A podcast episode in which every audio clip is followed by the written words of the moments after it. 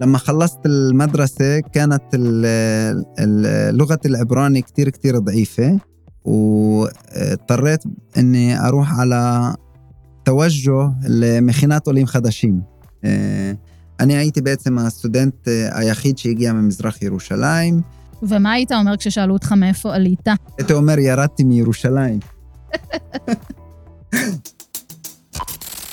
הטכניוניסטים, הפודקאסט החדש של ארגון בוגרי הטכניון. דוקטור רני זננירי הוא הדוקטור הראשון ממזרח ירושלים בטכניון. הוא הגיע לטכניון בעקבות אחיו, כשהוא בקושי יודע עברית, הצטרף למכינת עולים חדשים, עשה תואר ראשון בהנדסה ביו-רפואית, תואר שני בהנדסת חשמל ודוקטורט בביופיזיקה במסגרת הפקולטה לביולוגיה.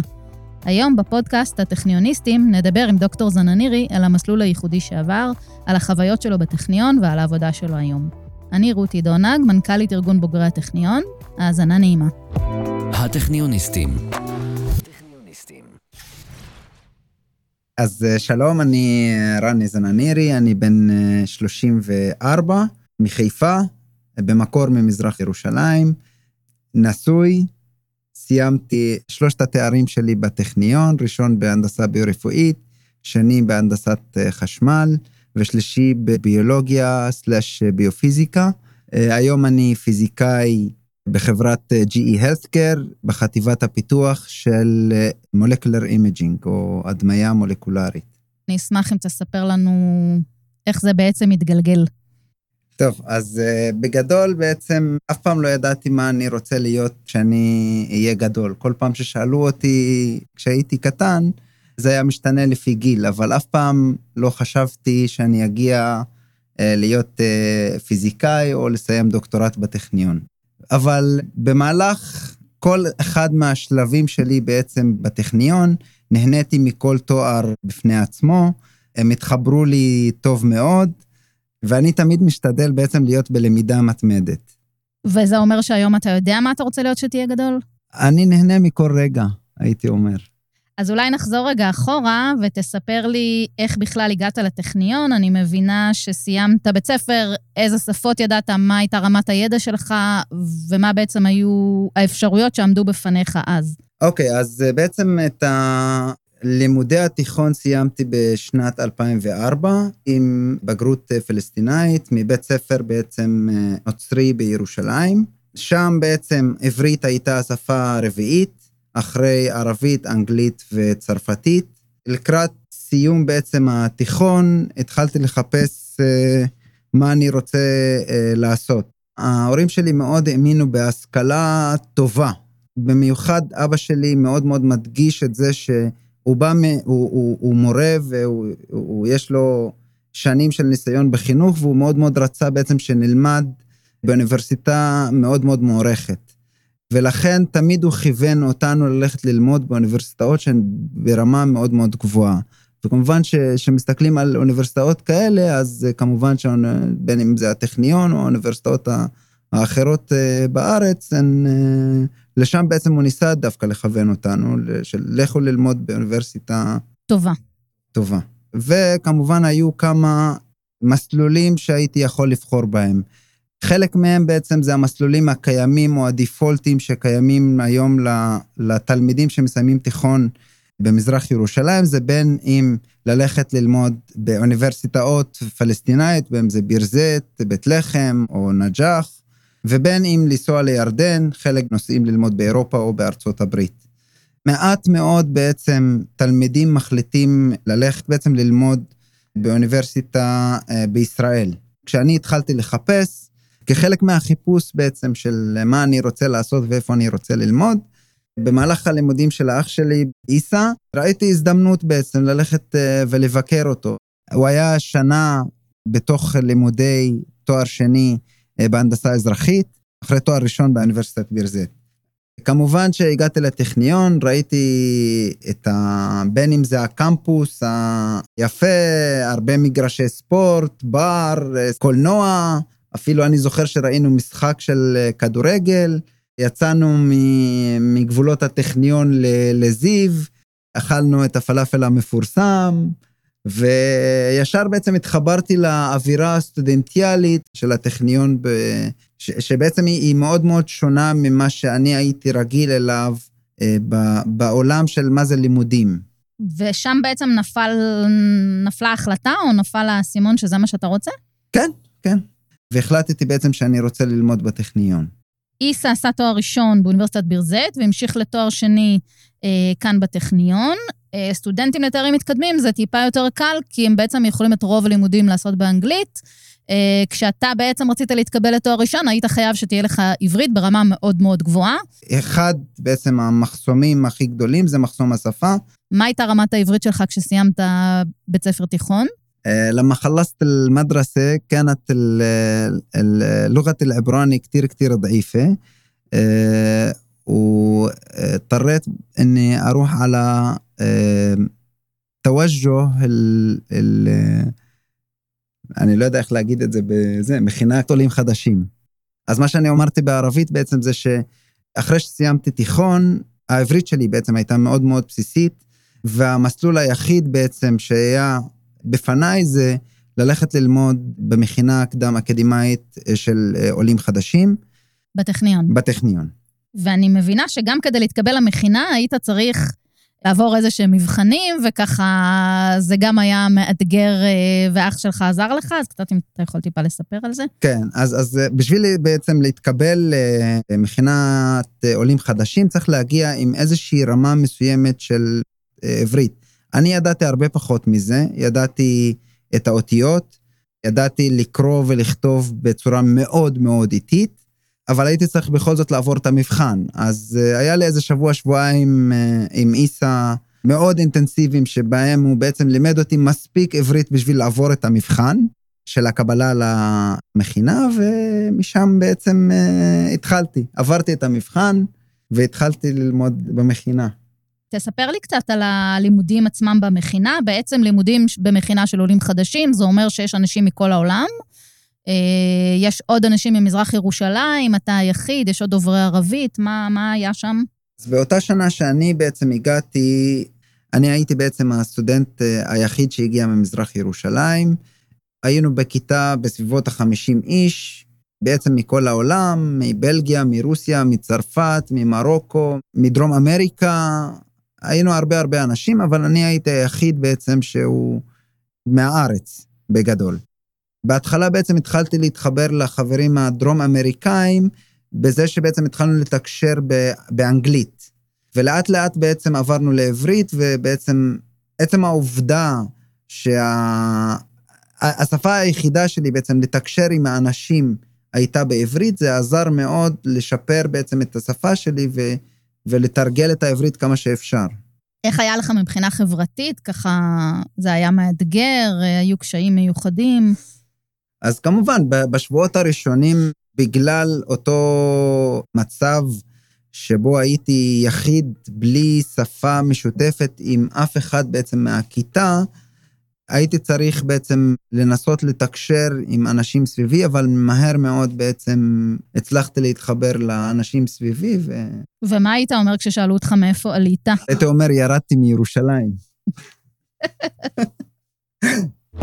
הטכניוניסטים.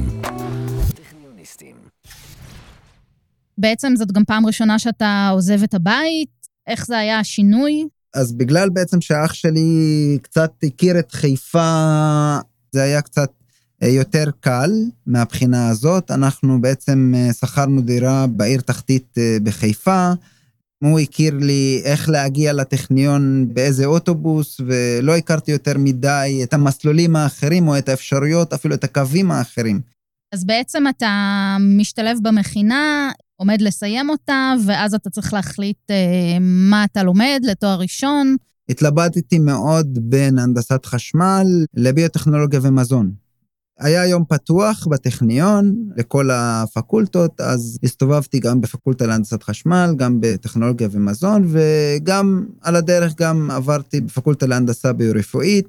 בזמנו, אני זוכר שהיה פרופסור יוסי מזרחי, שהראה איזושהי מצגת בהרצאה על איברים מלאכותיים, וראיתי את זה וישר בעצם הבנתי שזה התחום שאליו אני רוצה ללכת. שהוא בעצם תחום גם הנדסי וגם אה, קשור ל, לרפואה באיזשהו אה, מובן. ואז החלטת ללכת ללמוד הנדסה ביו-רפואית בעצם, ותוך כדי הלימודים גילית שאתה מתעניין בעוד דברים, נכון? נכון. אז, אז למרות שבהתחלה בעצם אה, מה שמשך אותי להנדסה ביו-רפואית זה הביומכניקה ואיברים מלאכותיים, אבל תוך כדי בעצם השנה הראשונה התחלתי להתעניין בדברים אחרים, בין אם זה אה, הנדסת רקמות שבה בעצם עשיתי את הפרויקט גמר בשנה רביעית, וגם בעצם באותות ביולוגיים. ואז בעצם אתה מסיים אה, תואר ראשון, אתה מהנדס, ככה הרבה, הרבה כבוד והישג משמעותי, ואתה חוזר הביתה, חוזר למזרח ירושלים. מה אתה הולך לעשות? לקראת בעצם סיום uh, התואר הראשון התחלתי לחפש עבודה, לא היה כזה קל בעצם למצוא עבודה בתחום שלנו בכלל, ועבורי, בגלל כנראה שהשפה גם הייתה עדיין איזשהו מחסום, למרות שהייתי הרבה יותר טוב, התבטאתי יותר טוב בעברית, אבל עדיין היה כנראה איזשהו מחסום. אז uh, הייתי צריך לחזור לירושלים, אה, הייתי תקופה, משהו כמו חודשיים שלושה בחיפושי עבודה, עד שהבנתי שכנראה אה, אני אצטרך להמשיך את לימודיי בשביל בעצם אולי לפתוח עוד אפשרויות אה, בשוק העבודה. אז חזרת לטכניון, ומה בחרת ללמוד הפעם בתואר השני שלך? אז בתואר שני בעצם הלכתי על... למעבדה לרשתות עצביות. זה היה חלק מהפקולטה להנדסת חשמל בעצם. עדיין לא עזבתי את העולם של הביו או של האנטומיה, של הרפואה בגדול. ומה עמד במוקד התזה שלך? במה היא עסקה? הכותרת של התזה היא קידוד אופטימלי במערכות סנסוריות, והבעיה בעצם שאותה ניסינו להבין, איך בעצם סנסורים בגוף האדם מפוזרים ולמה הם מפוזרים בצורה כזאת או אחרת. למשל, כשאנחנו מסתכלים על סנסורים ברשתית העין, הם לא מפוזרים באופן אחיד בכל הרשתית, אלא הם ממוקדים באיזשהו אזור מסוים, שאליו בעצם האור מפוקס. וניסינו להבין בעצם איך הסביבה גורמת לזה בעצם שהסנסורים האלה לא יהיו מפוזרים באופן אחיד. אתה יכול להגיד אולי מה הפוטנציאל של עבודה כזו, או מה הערך של זה, מה התרומה של זה? התרומה היא תרומה שבגדול היא סוג של reverse engineering. אנחנו מנסים להבין למה הגוף של האדם בעצם בנוי בצורה הזאת. אני אתן דוגמה למשל לפי מערכת המגע. אם אנחנו מסתכלים על מספר הסנסורים של, ה, של המגע בעצם באצבעות, הם הרבה הרבה יותר גדולים ממספרם בגב, למשל, של האדם. ואנחנו מעלים את ההשערה במחקר ש... הסיבה לזה היא בעצם שאנחנו כבני אדם משתמשים באצבעות בשביל למשש דברים ולא בגב. ולכן אני אצטרך כ-resources להשקיע את כל המשאבים שלי בלפזר את הסנסורים האלה באצבעות ולא באזורים אחרים בגוף. ולכן בעצם זה הקריטריון של אופטימליות. אנחנו אומרים, יש לי איזשהו משאב מסוים במערכת מסוימת, לא משנה מה, ואני צריך לעשות, לפזר אותה בצורה כזאת שהיא שאני אפיק ממנה הכי הרבה אינפורמציה. דיברנו קצת על מתמטיקה, והבנתי שאתה מאוד מאוד אוהב מתמטיקה, וככה כבר בתקופת המכינה אפילו התחברת לזה, ויש לך איזה סיפור מעניין סביב אה, זה שהתחלת לתרגל גם מתמטיקה? בהתחלה היה קשה. היו לי, התחלתי בעצם, אני זוכר את הקורס הראשון, היה חדווה שתיים. האימה. אימה. היו לי שני סטודנטים בתרגול הראשון, שלחתי למזכירה, אמרתי לה, תקשיבי, יש לי סך הכל שני סטודנטים בכיתה, את רוצה לבטל את התרגול? אז אמרה לי, תשאל אותם. ושאלתי אותם, אמרו שהם רוצים להמשיך, ובעצם ככה המשכתי, המשכנו כל הסמסטר, היה לי שני סטודנטים, וזה בעצם הסתיים הסמסטר. סמסטר אחרי זה, לקחתי קורס אחר, אמרתי, אולי נשנה מזל. נכנסתי לאלגברה, וגם שם התחלתי עם כמות מאוד מאוד קטנה של סטודנטים, ולאט לאט בעצם דרך המשוב של הסטודנטים, הצלחתי איכשהו למשוך יותר ויותר סטודנטים, עד שבעצם לקראת סוף הדוקטורט אפילו קיבלתי הצטיינות אה, אה, בהוראה בפקולטה למתמטיקה. עשית שלושה תארים, תכף נדבר גם על התואר השלישי, אבל עשית כאן שלושה תארים, מה ההבדל בין ללמוד תואר ראשון לתואר שני לתואר שלישי? שוב, אני, אני תמיד מתאר את זה ככה. בתואר ראשון מלמדים אותך בעצם את, ה, את השאלה ופחות או יותר גם את התשובה. אז אתה נשאל על החומר שאותו אתה לומד. בתואר שני יש איזשהו מעבר חד בין להיות סטודנט ללהיות חוקר. ולכן בשלב הזה בעצם, כהכנה לדוקטורט או לבעיות יותר אה, קשות במחקר, נותנים לך את השאלה, אבל לא את התשובה. ואז בעצם כחוקר אנחנו צריכים גם לדעת לחשוב כאינדיבידואלים, ומצד שני גם להסתכל מה כבר נעשה בעולם ולחפש את התשובה. בדוקטורט, לרוב מתחילים עם זה שלא יודעים את השאלה ולא יודעים את התשובה, ואיכשהו מגבשים לאט לאט במהלך התואר בעצם את ה... גם את השאלה וגם את התשובה המתאימה. מה הייתה השאלה ששאלת את עצמך בדוקטורט? אז בדוקטורט בעצם אה, הלכתי על אה, נושא אחר ממה שעשיתי בתואר ראשון ו- ושני. הלכתי לתחום של אה, Basic Science, של מדעים בסיסיים, שבהם בעצם אנחנו מנסים לאפיין איזושהי מערכת ביולוגית. בגדול, התא, הוא תמיד מדמיינים אותו כבית חרושת. בו בעצם הרבה דברים קורים במקביל ובצורה מאוד מאוד uh, יעילה. העובדים של הבית חרושת האלה הם חלבונים. חלק מהחלבונים האלה הם חלבונים שהם מנועים במהותם, במובן הזה שהם בעצם עושים איזושהי פעולה מכנית. אז יש הרבה פעולות מכניות שמתרחשות בתוך העולם הזה שנקרא תא, ויש מכניקה שהיא מכניקה לגמרי שונה ממה שאנחנו רגילים, או יודעים מה, מהמכניקה הניוטונית. ולשם בעצם התחברתי, של בואו ננסה לאפיין איך המנועים האלה עובדים. ולקחתי חלבון אחד אה, לדוגמה, ואפיינתי אותו בעצם בדוקטורט. אם חושבים על, על אוטו למשל, אז אוטו, ברגע שנגמר לו הדלק, הוא בעצם ממשיך לנוע כי יש מומנטום. בפיזיקה, אנחנו, כל דבר שיש לו מסה ותנועה, גם אם החלק המניע בו נגמר, עדיין הוא ממשיך מעצם העובדה שיש מסה שנעה. לעומת זאת, בתא, אנחנו חיים בסביבה אחרת לגמרי, שברגע שאני, למשל, קוצץ או, או חותך את המולקולת הדלק הזאת, רג, באותו רגע החלבון בעצם מפסיק לנוע.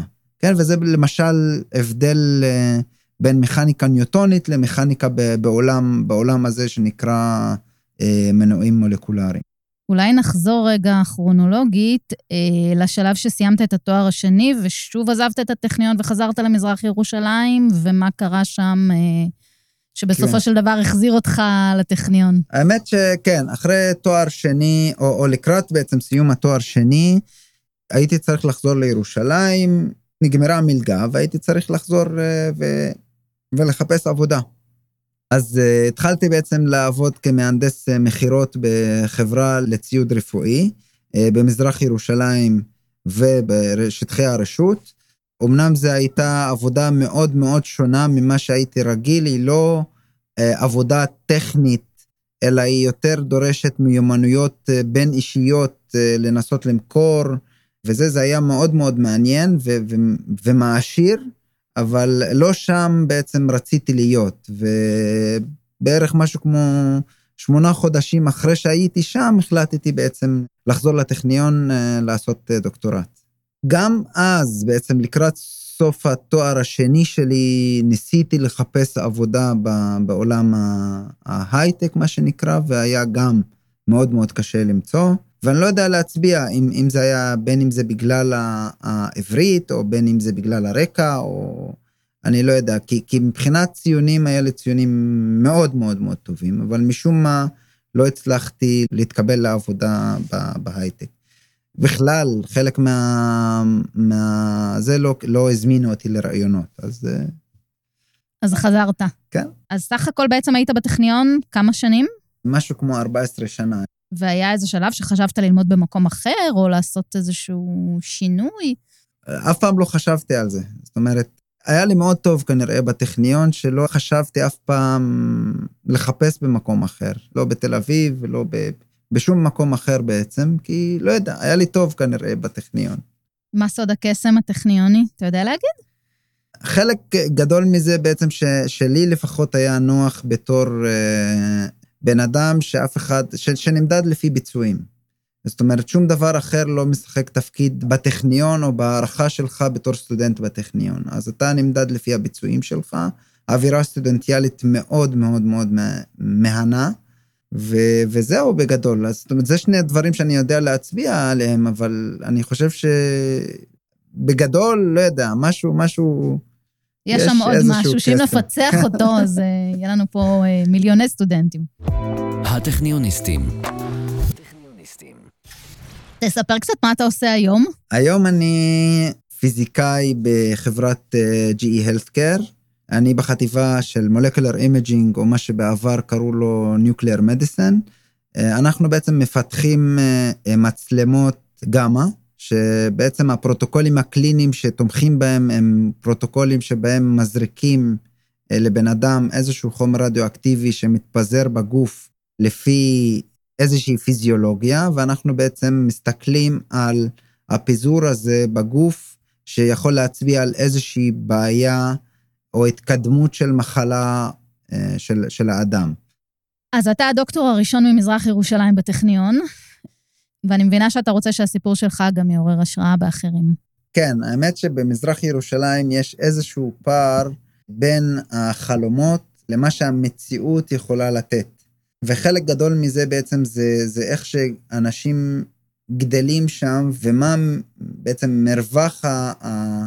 החלומות שניתנים להם ומה עם מה הם יכולים בעצם לעבוד. ולכן בעצם צריך לעשות את העבודה כפליים בשביל להצליח בתור מישהו שגדל במזרח ירושלים. בין אם זה מחסום שפה, בין אם זה כל מיני דעות קדומות, אה, בין אם כל המתח הפוליטי, בעצם הכל משפיע ולכן תמיד צריך לעבוד מאוד מאוד קשה בשביל אה, להצליח, ולכן תמיד הפער הוא קצת יותר גדול והעבודה הנדרשת היא הרבה יותר גדולה. בוא נדבר על משהו כיפי. אה, שמעתי שהכרת את אשתך בטכניון, תספר לנו קצת אה, איך זה קרה. אני בעצם הייתי בודק תרגילים בקורס שהיא עשתה. אני הייתי בתואר שני, היא הייתה בתואר ראשון. אז לא הכרנו אחת השנייה, ואחרי כמה שנים נפגשנו שוב דרך חברים משותפים. ולאט לאט אה, התקדמנו בקשר, והתחתנו לפני משהו כמו שלוש שנים. והיום אתם גרים פה בחיפה? כן, כן. תספר לי קצת מה זה להיות בוגר טכניון בשוק העבודה.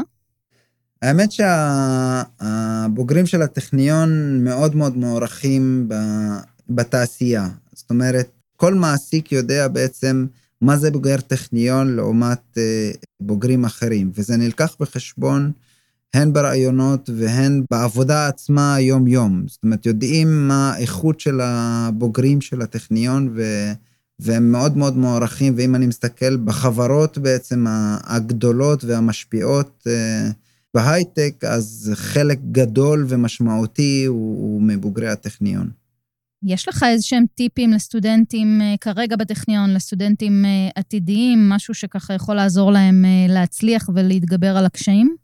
כן, האמת, האמת ששוב, זה, זה לא קל, כן? בתור מישהו שהגיע מעולם אחר, הייתי מגדיר את זה, בין אם זה תרבות אחרת ובלי שפה והכול, ובכל זאת אה, הצלחתי לסיים את הלימודים, זה לא היה קל, אבל תמיד צריך להיות בפוקוס, ו, ואני חושב שהטכניון באמת נותן את כל האמצעים לסטודנטים להצליח. צריך רק להיות בפוקוס ולדעת בעצם להשקיע את הזמן ולפנות בעצם, במידה ויש איזושהי בעיה, כמה שיותר מוקדם לגורמים שיכולים בעצם לסייע. וזה אני אומר במיוחד לסטודנטים הערבים אה, בטכניון, שבעצם תפנו ל, ל, לאנשים בטכניון, יש הרבה גורמים שמוכנים לעזור לכם ולהושיט לכם יד, אז תעזרו בהם במידת הצורך.